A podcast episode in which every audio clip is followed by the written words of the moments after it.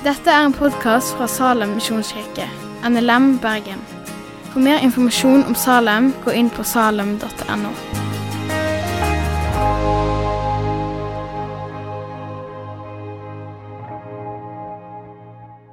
I eh, januar så begynte vi med en eh, taleserie fra første Korinterbrev. Kristian har allerede talt over kapittel 1 og 2, og de kan dere høre på podkast hvis dere ikke har hørt de live. Og I dag så skal vi gå gjennom eh, kapittel 3. Jeg skal ikke lese hele kapittelet sammenhengende, men vi skal ta del for del og så stoppe opp litt underveis. Og Vi skal begynne med et veldig kort avsnitt i vers 1 og 2 fra 1. Korinterbrev. Og jeg, brødre, kunne ikke tale til dere som til åndelige, men bare som til skjødelige, som til småbarn i Kristus.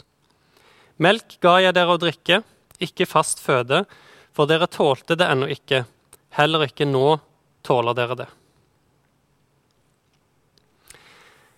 Eh, Paulus sier her at i den kristne forkynnelsen og i den kristne læren så er det en gradering av modenhet og dybde. Eh, det er noe som er grunnleggende, som må komme først. Som er melk, det som er meint til de som er småbarn i Kristus. Og når du er på det stadiet, så har du mer enn nok med å ta til deg den føden. Men etter hvert som du vokser i troen, så får du behov for noe annet. Da blir du ikke mett på bare melk lenger. Da trenger du fast føde. Eh, vi har en liten toåring hjemme. Hun sier og gjør veldig mye rart. Eh, men siden hun er to år, så syns jeg det er morsomt og sjarmerende. Men hvis hun hadde sagt og gjort det samme når hun er 20 år, så hadde jeg blitt alvorlig bekymra for hva som er galt med henne. Og på samme måte som vi vokser som mennesker, så skal vi òg vokse åndelig. Og etter hvert som vi vokser åndelig, så vil vi òg ha behov for en annen type føde for å kunne vokse videre. Og Det kan kanskje være lurt å tenke over hva føde trenger jeg for å fortsette å vokse. At eh, det ikke er så grunnleggende at jeg ikke blir mett, og at det heller ikke er så fjernt at du ikke klarer å gape over det. Men det som er tilstrekkelig for at eh, det er kjent, men du blir òg utfordra og klarer å vokse litt. For da blir det mulig å være litt mer bevisst når det gjelder egen oppbyggelse og hva du velger. Som f.eks. litteratur og bøker, lydbøker podkast, taler, bibeltimer. Du får tak i veldig mye nå. Eller om det gjelder sanger eller bibelgrupper, hvis du kan møtes fysisk i disse tider. Eller samtaler og bønn med andre. Hvor må du peile deg inn for å få vekst? Kanskje er det noe annet enn det du har livnært deg på til nå. Eller kanskje trenger du å gå tilbake til det grunnleggende igjen sånn som de i Korint hadde behov for når Paulus irettesetter de her. I de neste versene så starter Paulus på et argument. Um, og så har han et tilleggspunkt i midten, og så konkluderer han argumentet i slutten av kapittelet. Og Jeg har lyst til å lese begynnelsen og slutten på det argumentet, sånn at vi får det i sammenheng, og så tar vi det i midten etterpå. Og Da begynner vi med vers 3-8.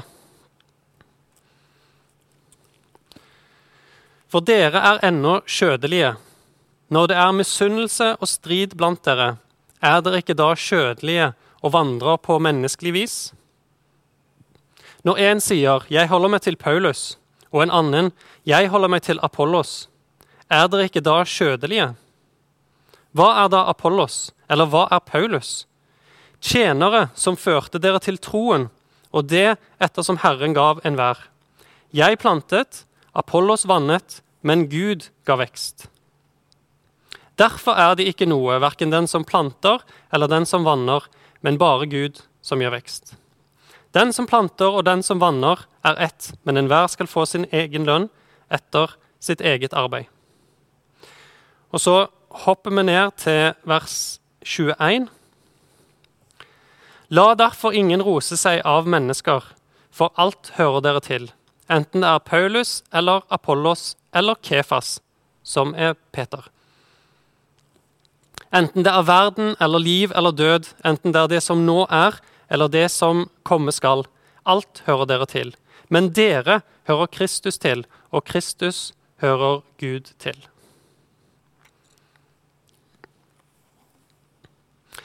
Så det var tydeligvis en splittelse i Korint. Paulus hadde vært der først og forkynt for dem. Og som han sa, så tålte de ikke noe annet enn melk. Så han hadde kommet med det grunnleggende. Og så kom en som heter Apollos etter han. Og Apollos står det litt om i apostelens gjerninger. Eh, det står at han var en jøde som var en veltalende mann og sterk i Skriften. Og at han med kraft gjendrev, eller motbeviste jødene offentlig ut ifra Skriftene og viste at Jesus var Messias. Så Apollos kjente Skriftene godt, og han var flink å snakke for seg. Så sannsynligvis så har det blitt en splittelse der en snakker om hvem som er størst av disse to. Er det Paulus som kom først? Men Apollos er jo så mye flinkere og har så mye mer kunnskap. Og så har det blitt en splittelse hvem en holder med. Og Paulus kunne jo argumentert med at selv om han og Apollos for så vidt er på samme lag, eh, så er jo tross alt han en apostel. Så hvis det skulle være noe tvil, så var det jo klart at han var den største av de to. Men han gjør ikke det. Han, han går motsatt vei og sier hvem, hvem er vel vi? Vi er bare tjenere som har hatt ulike roller. Jeg har vanna, jeg har planta, Apollos har vanna, men det er Gud som har gitt vekst. Så derfor, ikke ros dere av mennesker. Ikke vær opptatt av om du holder med den ene eller den andre. Vær opptatt av at du tilhører Kristus. Og ta til deg det som er godt ifra begge parter. Så Det er sånn han konkluderer eh, det argumentet. Men rett før han snakker om at vi ikke skal rose oss av mennesker, så trekker han inn noe som han har snakket om før. Vi kan lese Det også. Det er et litt kort avsnitt, vers 18-20. La ingen bedra seg selv.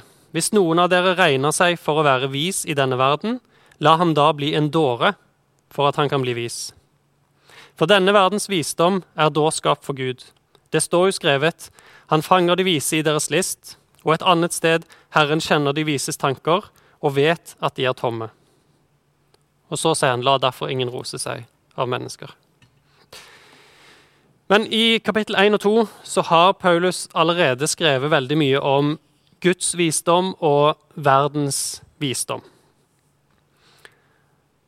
Og Derfor skal jeg ikke gjenta mye av det, men her trekker han det inn igjen i forbindelse med det å rose seg av mennesker. Hvis du prøver å bli vis i verdens øyne, så vil du bli en dåre i Guds øyne. Mens hvis du er vis i Guds øyne, så vil verden se på deg som en dåre.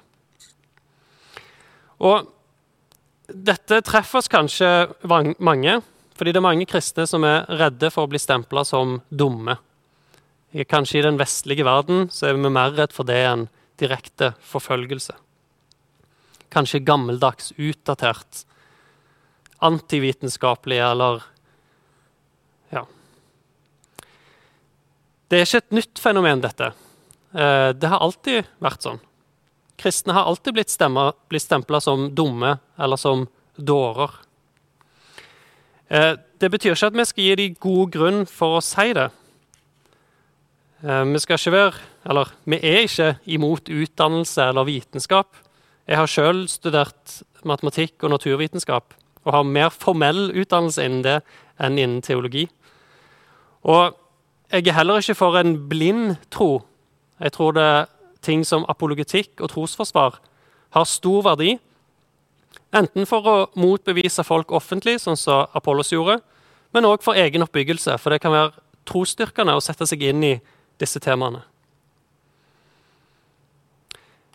Men poenget litt her er at ikke legg så stor vekt i det å bli regna for vis av verden. La det ikke bli en hindring for troen eller bekjennelsen din. Og motsatt, la ikke frykten for at andre kaller deg dum eller dåre, bli en hindring for troen eller bekjennelsen din. Men vær utrusta i Guds visdom og kjennskap til Han, og la det være frimodigheten din.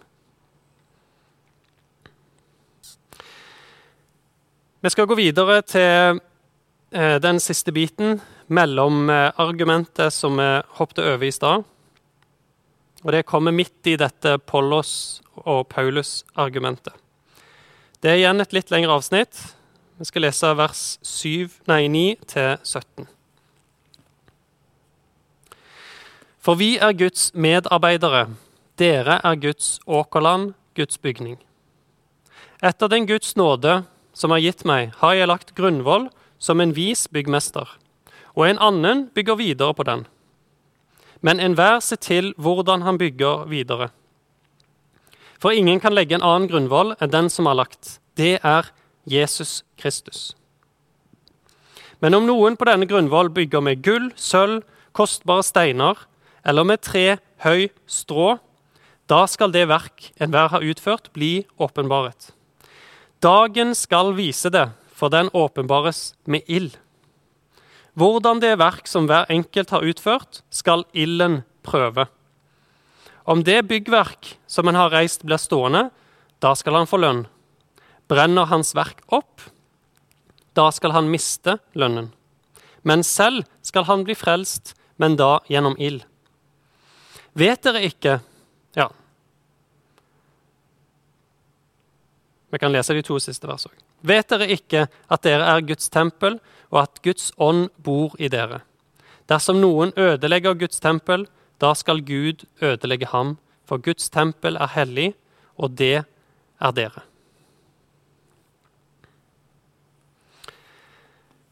Eh, før jeg sier så mye om hva jeg tror denne teksten betyr, så skal jeg begynne med å si litt om hva den ikke betyr. Eh, fordi noen kjenner seg jo godt til det, men dette avsnittet blir brukt av katolikkene for å argumentere at læren om skjærsilden læres i Bibelen. Og For de som ikke kjenner til det, så er tanken om skjærsilden at det er et renselsessted der kristne går før de kommer inn i himmelen, for å bli rensa og gjort reine til å kunne komme inn. Hvis du tror på Jesus og har synda mye, så må du være lenge i skjærsilden. Har du levd et hellig liv og har mange gode gjerninger, så får du et kortere opphold. Og folk som lever, kan be til de som er i skjærsilden, og hjelpe dem til å komme gjennom prosessen raskere. Eh, det er ikke noen andre kirkesamfunn som har denne læren. Og spesielt blant de evangeliske kirkene så tror jo vi at Jesu rettferdighet blir tilregna oss ved troen. Så når vi har Jesu rettferdighet regna som vår, så trenger vi ikke noe mer renselse enn det for å komme inn i himmelen. Så vi synger 'Ren og rettferdig, himmelen verdig, er jeg i verdens frelser alt nu'. Men uansett så snakker jo ikke Paulus her om gjerninger. Eh, gjerninger kommer seinere i brevet, men ofte så tar han for seg læren og teologien først, og så applikasjonen, gjerningene, seinere. Men både før og etter dette avsnittet så har han hele tida snakket om forkynnelse og lære. Han begynte med melk og fast føde, og så om Paulus og Apollos, hvordan de hadde ulik forkynnelse. Men de var begge Guds medarbeidere, men med ulike roller. Og etter avsnittet så trakk han inn dette med verdens visdom, som var dårskap for Gud, og at vi ikke skal rose oss av andre mennesker, for vi hører Gud til. Så når han snakker om Guds bygning i denne sammenhengen, så er det fremdeles innenfor det samme temaet om forkynnelse og lære. Men han bruker et nytt bilde for å nyansere det han allerede har sagt. Han begynte jo med å sammenligne de kristne med Guds åker. Noen sår, noen vanner, Gud gir vekst. Men så sier han at vi er òg Guds bygning. Og grunnvollen, eller fundamentet, det er Jesus Kristus. Det kan ikke være noen annen grunnvoll. For uten Jesus Kristus så er du ikke en kristen. Da spiller det ingen rolle hvordan du bygger videre. Det er ikke Guds hus hvis ikke fundamentet er Jesus Kristus. Så dette er den ene nyansen. Han skiller mellom lære som er essensielt for frelsen. Enten tror du på dette, eller så tror du ikke. Og det avgjør om du er en kristen eller ikke. Om du er Guds hus eller ikke. Og så er det en lære som bygger videre på denne grunnvollen. Og Han vil ikke at vi skal tenke ja, ja, det er ikke så viktig. Så lenge jeg bare kommer inn i himmelen, så er det det viktigste. Jeg trenger ikke bry meg om alle disse andre tingene. Nei, Han sier at materialene som vi bruker for å bygge videre på, det er det ulik kvalitet på. Noe er gull og sølv og edelsteiner, og de vil tåle ildprøven. Mens strå, halm, tre, det vil brenne opp på den siste dag. Så han sier at òg for lærespørsmål som ikke er essensielle for frelse, så er det et rett og et galt. Men du skal ikke være likegyldig overfor disse tingene. Og så skal du heller ikke være redd for at du ikke kommer inn i himmelen fordi du har feil endetidssyn eller har et feil bilde på hvordan nådegaver fungerer, eller noe annet som ikke er frelsesessensielt. Og til slutt, de to siste versene vi leste, da ble vi minnet på at Guds bygning, det er jo tempelet. Det er der Gud bodde i den gamle pakt, i det aller helligste. Men nå, i den nye pakt, så Jesus sa at 'jeg er tempelet', og her sier Paulus at vi er Guds tempel. Gud, Den hellige ånd, har tatt bolig i oss. Han bor i oss. Og så gir han både en advarsel mot de som prøver å ødelegge Guds tempel, de vil Gud ødelegge, sier han. Og så er det en trøst for oss at vi er hellige. For Faderen utvalgte oss før verdens grunnvoll ble lagt.